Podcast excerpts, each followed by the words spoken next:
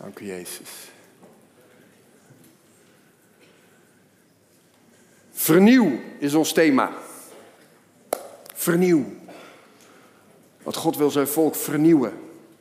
Hij wil je denken vernieuwen. Hij wil je geloofsleven vernieuwen. Hij wil je lichaam vernieuwen.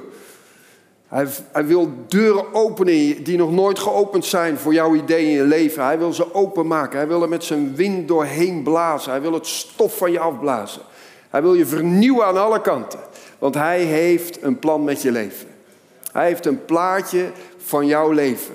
Al voordat jij hier op aarde bent gekomen, had hij al een gedachte over jou. Hoe wonderlijk is dat? Hij wist al van je bestaan voordat jij bestond. En toen heeft hij jou in de moederschoot geweven. En wat mensen ook hebben gezegd tegen jou, wat ze ook allemaal hebben gevonden van jou. God kijkt vanuit de hemel en zegt: Ik heb jou gewild. En ik heb jou mooi bedacht. En wat de spiegel ook tegen jou zegt, God zegt iets anders. Hij zegt: Je bent mooi. Ik heb je hoog geschat. Ik heb je gekocht en betaald met het kostbaarste wat ik had, en dat is mijn zoon. Amen. En we zingen regelmatig de godsnamen hier hardop, omdat dat iets doet met ons. En want we verbinden ons op dat moment aan de identiteit van God, aan wie Hij is. En tegelijkertijd maken we ook zichtbaar dat we geloven dat Hij aanwezig is. En dat Hij reageert op het roepen van Zijn naam. Als iemand hier in de zaal Richard zegt, dan zullen de verschillende Richards die hier zitten ineens in beweging komen, toch? Die gaan nekken draaien en van wie roept er mij? Omdat die naam, als je die uitspreekt, dan verbind je daarmee aan die persoon. Dan trek je de aandacht van die persoon. En dat doen we ook in het aanbidden van Gods namen. Dan, dan verbinden we ons aan wie God is. Zeker als we weten wat die namen ook nog eens betekenen. Dus zo ben ik telkens als ik preek, zo'n even zo'n godsnaam als een voorafje aan het behandelen. En dat wil ik vandaag weer doen. En ik ga met jullie nu naar Yahweh Jireh. Of Jaira in het Engels. Jezus voorziet, betekent dat. Prachtige naam. Jezus voorziet. God voorziet. En die naam die komt in het Oude Testament voor. En ik wil één gedeelte daarvan even aanhalen. Dat is in Genesis, hoofdstuk 22. In het verhaal van Abraham, die zijn zoon Isaac gaat offeren. En als hij dat wil gaan doen en op reis gaat naar de juiste berg die God hem heeft aangewezen en hij hout heeft meegenomen en zijn zoon Isaac gaat braaf mee, dan is daar dat wonderlijke moment dat die zoon wakker begint te worden en zoiets heeft van, ja maar waar is nou het lam wat geslacht moet worden om geofferd te worden op die berg? We hebben hout, we hebben vuur, maar waar is het lam? En dan zegt vers 8 zegt Abraham daar, God zal zichzelf voorzien van een lam ten brandoffer, mijn zoon. Daar profeteert Abraham God gaat voorzien in een lam. En als Isaac dan op dat brandofferaltaar ligt en alles is in gereedheid gebracht en hij wil zijn zoon doden omdat er nog steeds geen lam is, dan grijpt God in. En dan wijst God hem op een ram. En dan zegt hij, je zoon moet je niet offeren. Nee, dat ram wat ik heb gebracht daar in die woestijn, daar op die berg en wat vast zit daar in dat struikgewas. Dat ram moet je nemen en in plaats van je zoon daar offeren aan mij. En dan zegt Abraham, de Heere zal erin voorzien. Waarop nog heden gezegd wordt, op de berg des Heeren zal erin voorzien worden. Abraham noemde die plaats waar hij geofferd heeft, noemde hij de Heere zal erin voorzien. Yahweh Jireh. En voorzien betekent daar in het Hebreeuws niet alleen maar dat, dat God iets geeft, maar ook dat God het ziet. En dat zit ook in ons Nederlands woord, voorzien. God ziet wat nodig is en hij ziet het niet relatieloos. Hij ziet dat niet op een afstand, zo van ik zie wat je nodig hebt en je zoekt het maar lekker zelf uit. Nee, hij ziet en hij geeft. Hij ziet en hij voorziet.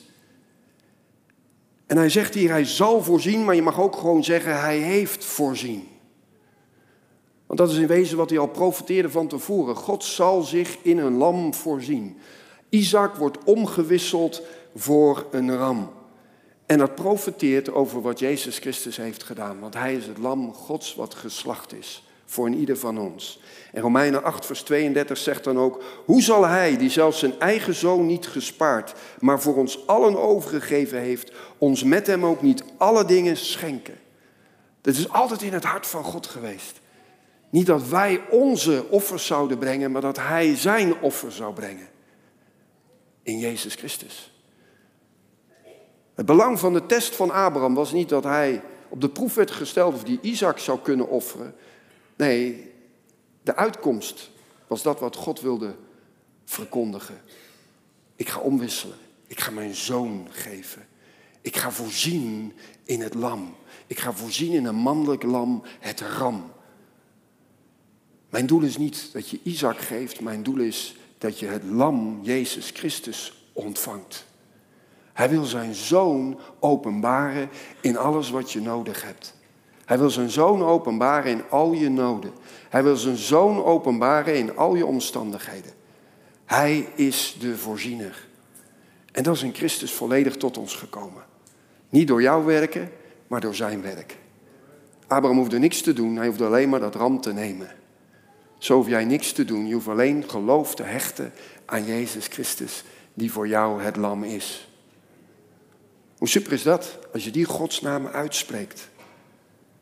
En hier wordt nog gesproken over de berg. Op deze berg zal God erin voorzien. Er werd nog gewezen naar die berg.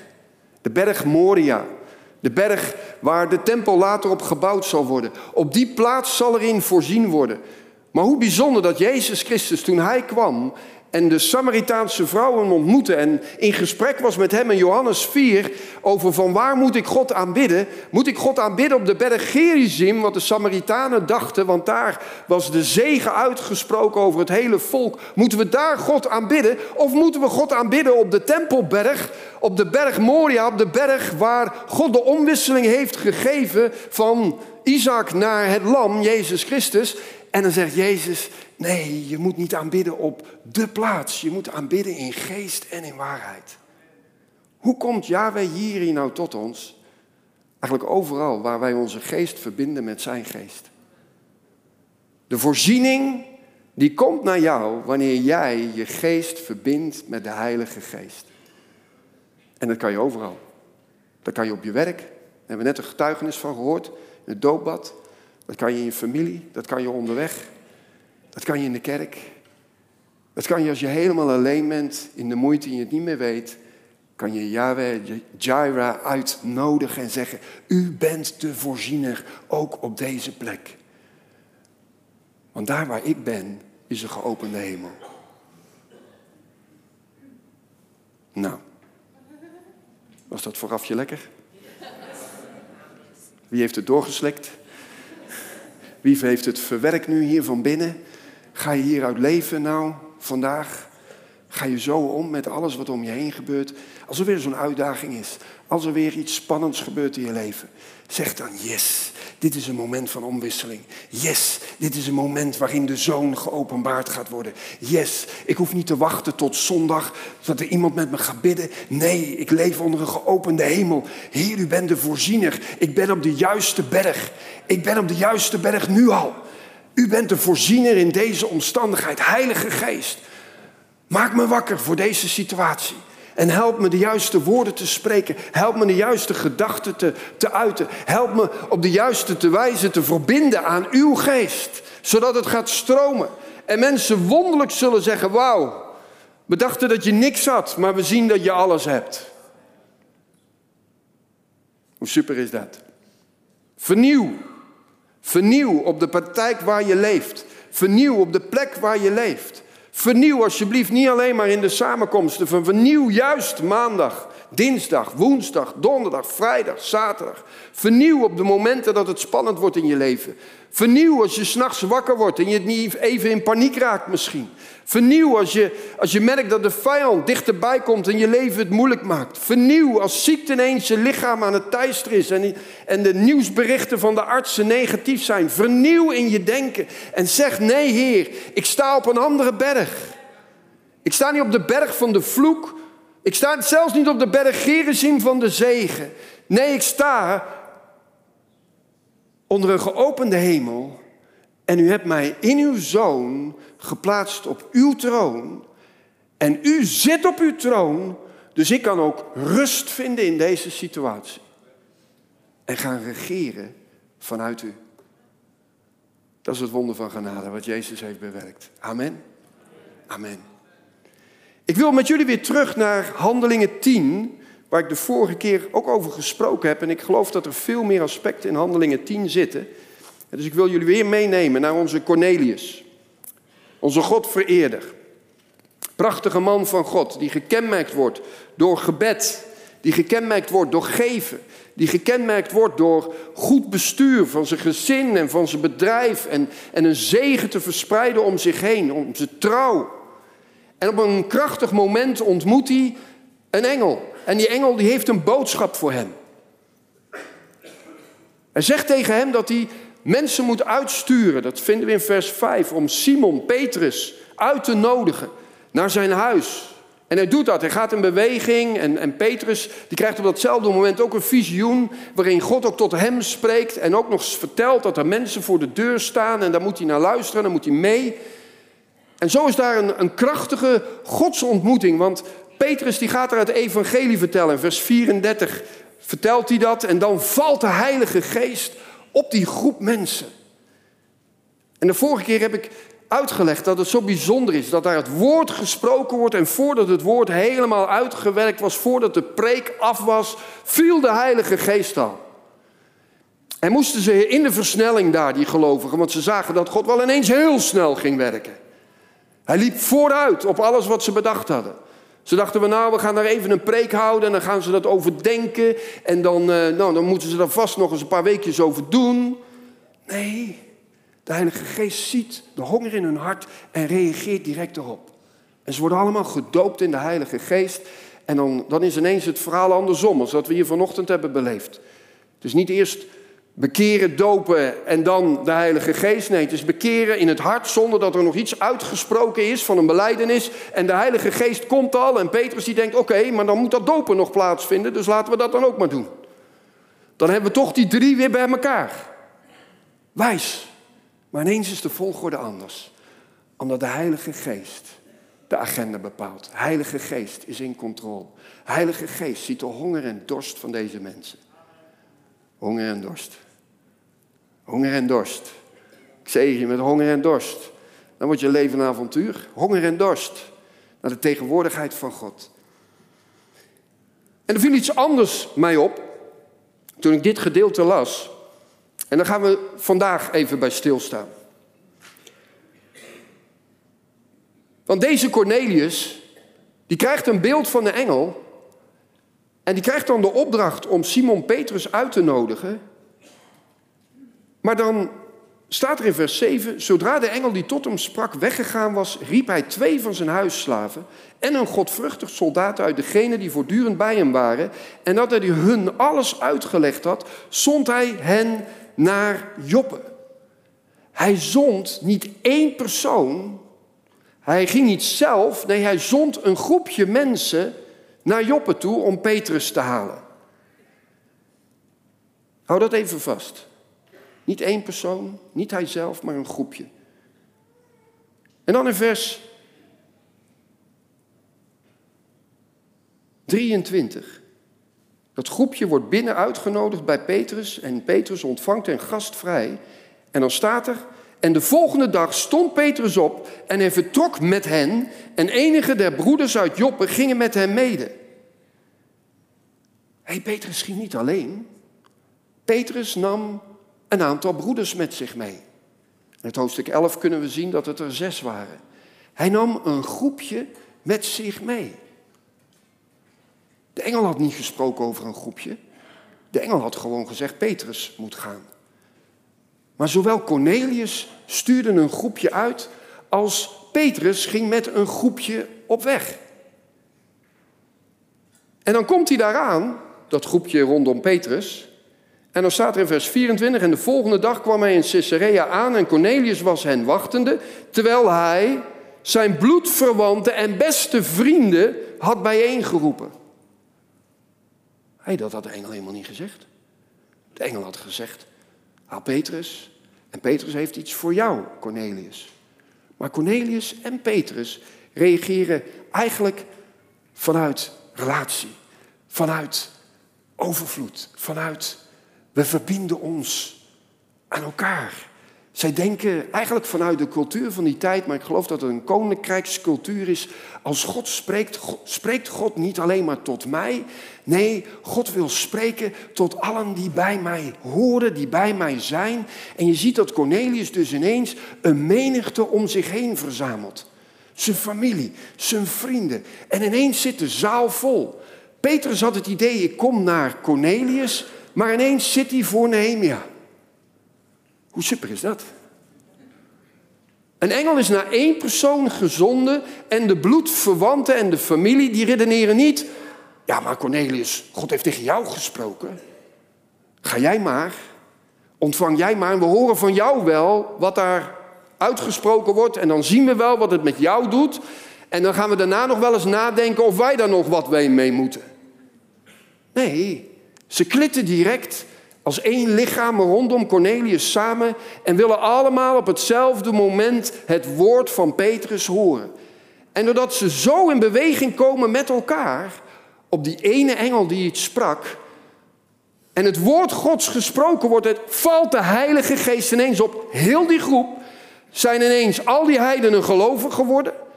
En zijn al die gelovigen ineens verwonderd geraakt van oké, de kerk verschiet van kleur. Wij dachten dat het alleen voor de Joden was, maar we zien nu dat het ook voor de heiden is. Het goede nieuws gaat verder dan ons volk.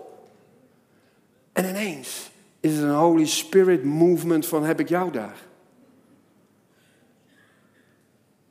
Omdat ze bewust zijn, hé, hey, het gaat niet alleen om mij, het gaat ook om die ander omdat ze in de gaten hebben, God zoekt een gemeente die bestaat uit vele leden, uit vele onderdelen, uit vele gaven en talenten.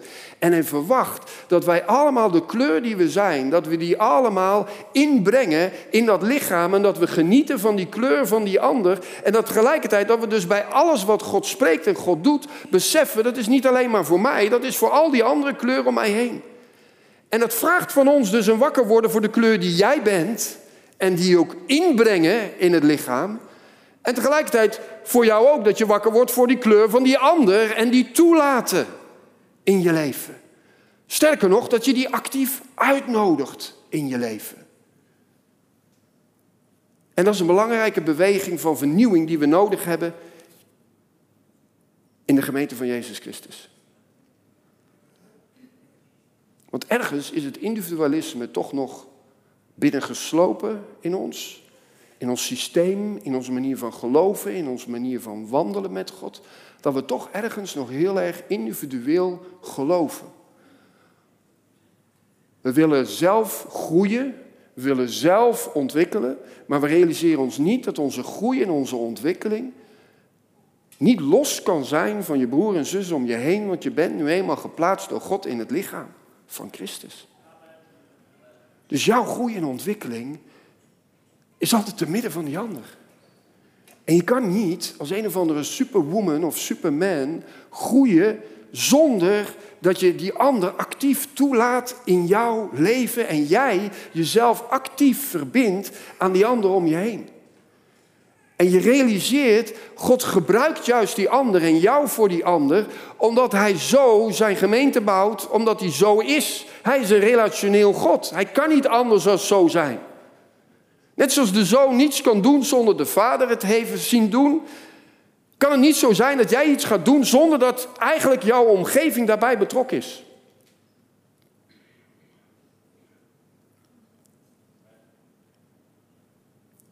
Als iemand tot geloof komt op een oproep, door wie komt hij dan tot geloof?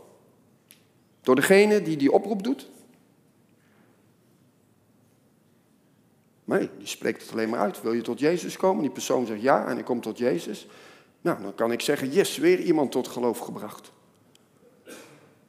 Maar er is niks van mij bij. Ja, een klein beetje. De uitnodiging is er van mij bij. Maar er is een gebed van een ander bij.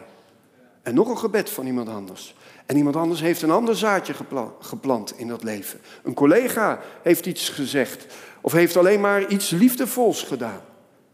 En van allerlei aspecten spelen een rol waardoor iemand tot Jezus komt.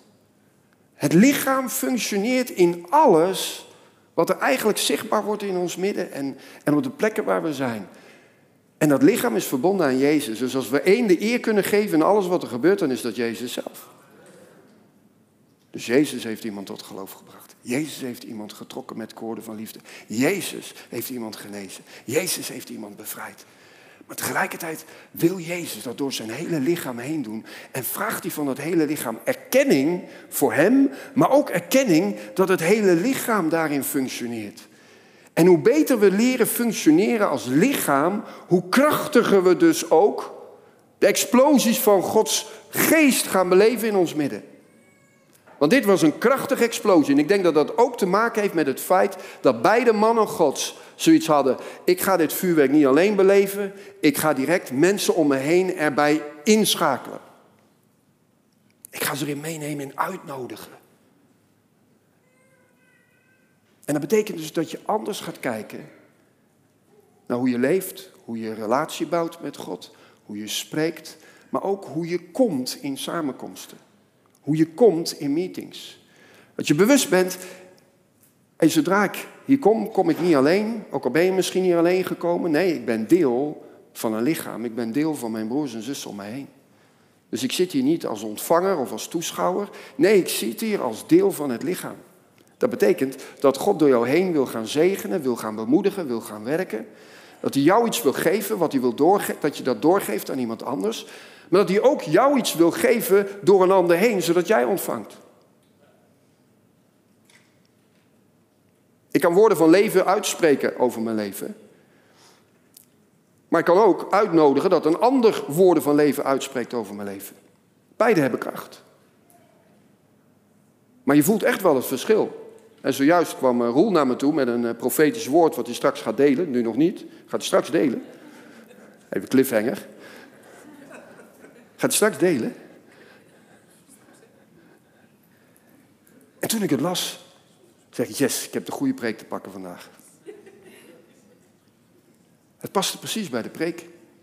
En ik heb mijn preek niet van tevoren laten zien. Dus God weet wat ik spreek. Ankie heeft eenzelfde ervaring gehad van de week. En bezig met een preek voor 8 december. En Samantha had een woord van bemoediging, wat ze niet wist, appte dat. En het was precies de preek die Ankje brengt. En God gebruikt dat lichaam. Waarom? Om ons te versterken. Hé, hey, maar, maar wat je nu aan het doen bent, is in mijn lijn. En ik wil dat je je daarin helemaal geeft. Want wij allemaal hebben wel eens de neiging van, nou, is dat wel echt van God? En uh, moet ik dat nou wel echt doen? En is dit het dan nou wel? Als dan dat profetische woord door die broer of zus komt, dan zeg yes. Yes. Profetische gaven werken altijd van een ander naar jou. Gave van genezing werkt van een ander naar jou. Woord van kennis werkt van een ander naar jou. En God doet dat omdat God wil dat we niet een superwoman of een superman zijn in onszelf. Nee, hij wil dat we een superteam zijn. En dat betekent dat je heel anders gaat kijken naar samenkomen. Dat betekent dus ook dat je realiseert, hé, hey, als ik iets geef aan die ander, dan is dat niet omdat ik, ik de superman ben.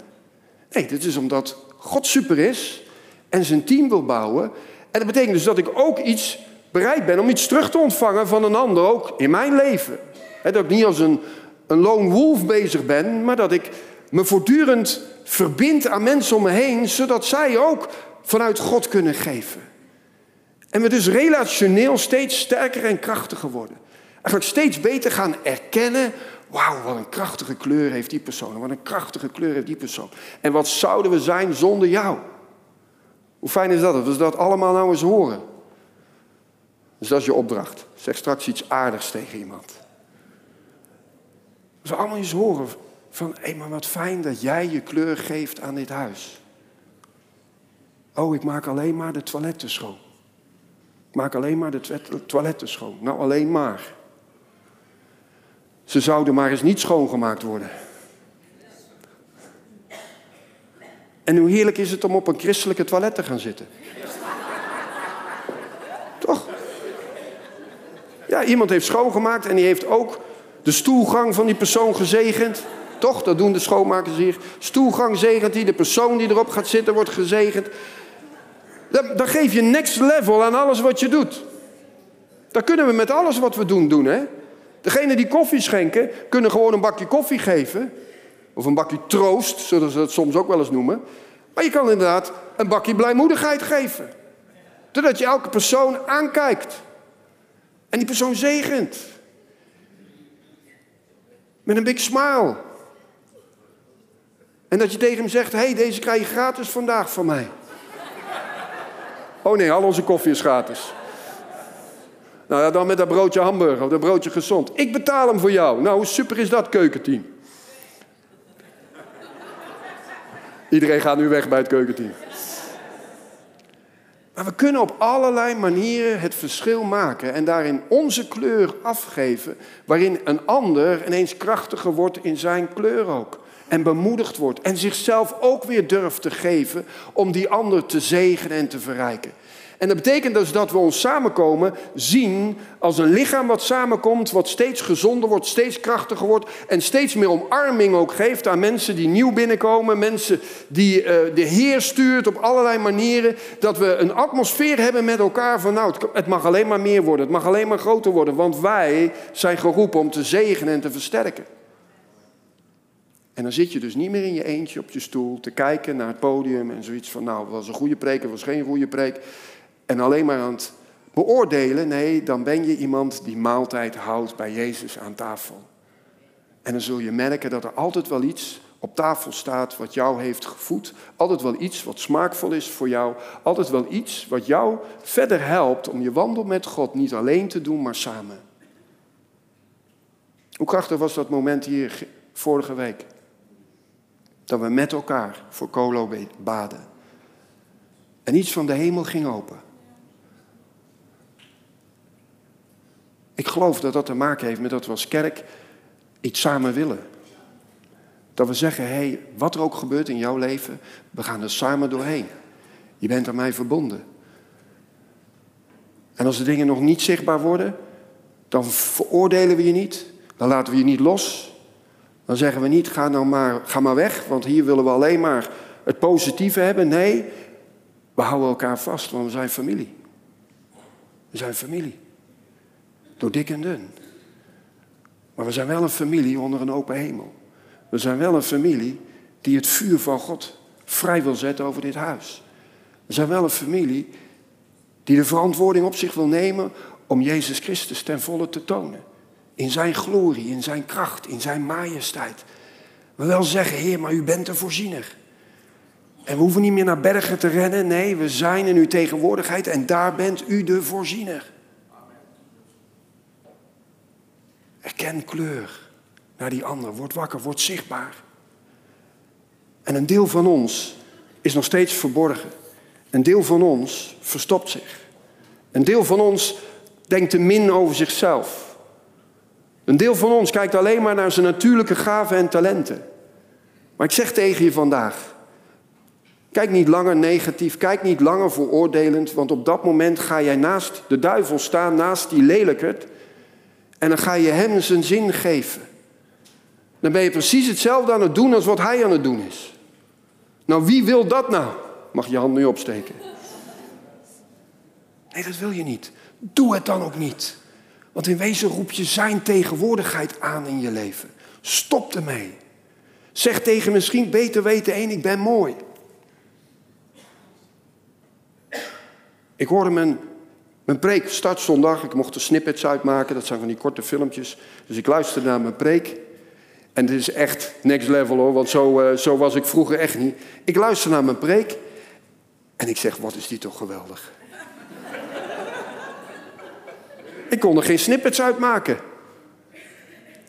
Is dat nou hoogmoedig? Is dat nou verwaand? Nee, dat is gewoon eergeven aan God. Wauw, Heer. U bent blij met mij, laat ik nou ook eens blij zijn met mezelf.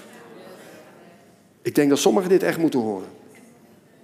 Als je gelooft dat God blij met je is, wees dan zelf ook eens blij met je. Als God een plan over je leven heeft, geloof nou zelf ook dat je een plan dan hebt. Stop met het staan naast de duivel. Ga nu staan naast Jezus. En natuurlijk doen we allemaal nog wel eens dingen waarvan Jezus zegt: Nou, dat mag wel wat veranderen. En dat doe ik ook. Maar hij zegt het altijd vanuit aanvaarding en liefde. En hoe anders is dat? Hij heeft regelmatig dingen tegen me gezegd waarin ik voelde, hier moet iets veranderen nu in mijn leven. Maar ik voelde tegelijkertijd de manier waarop hij het zei, dat de kracht van hem daarin vrij kwam om het ook te kunnen doen. Nou, Laat dat ons kenmerk zijn. Dat we zo samenkomen, zo omgaan met elkaar. Dat als we iets geven aan die ander, dat die ander ook echt ervaart. Hé, hey, je krijgt dit niet van een mens alleen. Nee, je krijgt dit van Jezus zelf. En ik word op waarde geschat. Ik word hoog geschat. En tegelijkertijd ontvang ik van Hem kracht om te veranderen. Ontvang ik richting. Ontvang ik bevestiging dat ik er mag zijn. En word ik niet verbonden aan een mens, maar word ik als eerste verbonden aan de Heer en vervolgens aan mensen om me heen. Hoe super is dat? En dat is wat we voor ogen hebben hier. Dat welk profetisch woord we ook spreken, welk woord van kennis we ook uiten, welk gebed van genezing we ook uitspreken, dat elke persoon als eerste ervaart, het is Jezus die voor me staat en hij kijkt naar mij met ogen van liefde. Hij weet waar ik vandaan kom, hij weet wat ik mee heb gemaakt, hij kent mij en van daaruit tilt hij mij op. En van daaruit doet hij zijn wonderwerk aan mij. Van daaruit stretcht hij mij, zodat ik ga wandelen op water roept hij mij, kom op dat water, Petrus. En durf ik op het water te stappen, zonder veroordeling, maar wel in geloof, zodat we het bovennatuurlijke ook werkelijk zichtbaar gaan maken. En dat is een keuze die we hebben gemaakt. Als leidersteam, als oudste team, de jakenteam, en daar bewegen we in. En dat bouwt zich en dat groeit en dat wordt sterker. En ik heb veel verwachting. Ik heb veel verwachting aan de bovennatuurlijke aanwezigheid van God in ons midden. Waar we echt momenten met elkaar hebben en we niks hoeven te doen. Niks hoeven te doen. We hoeven, hoeven niks te doen. En Gods tegenwoordigheid is gewoon in ons midden en Hij doet alles. Halleluja. Vernieuw. Vernieuw.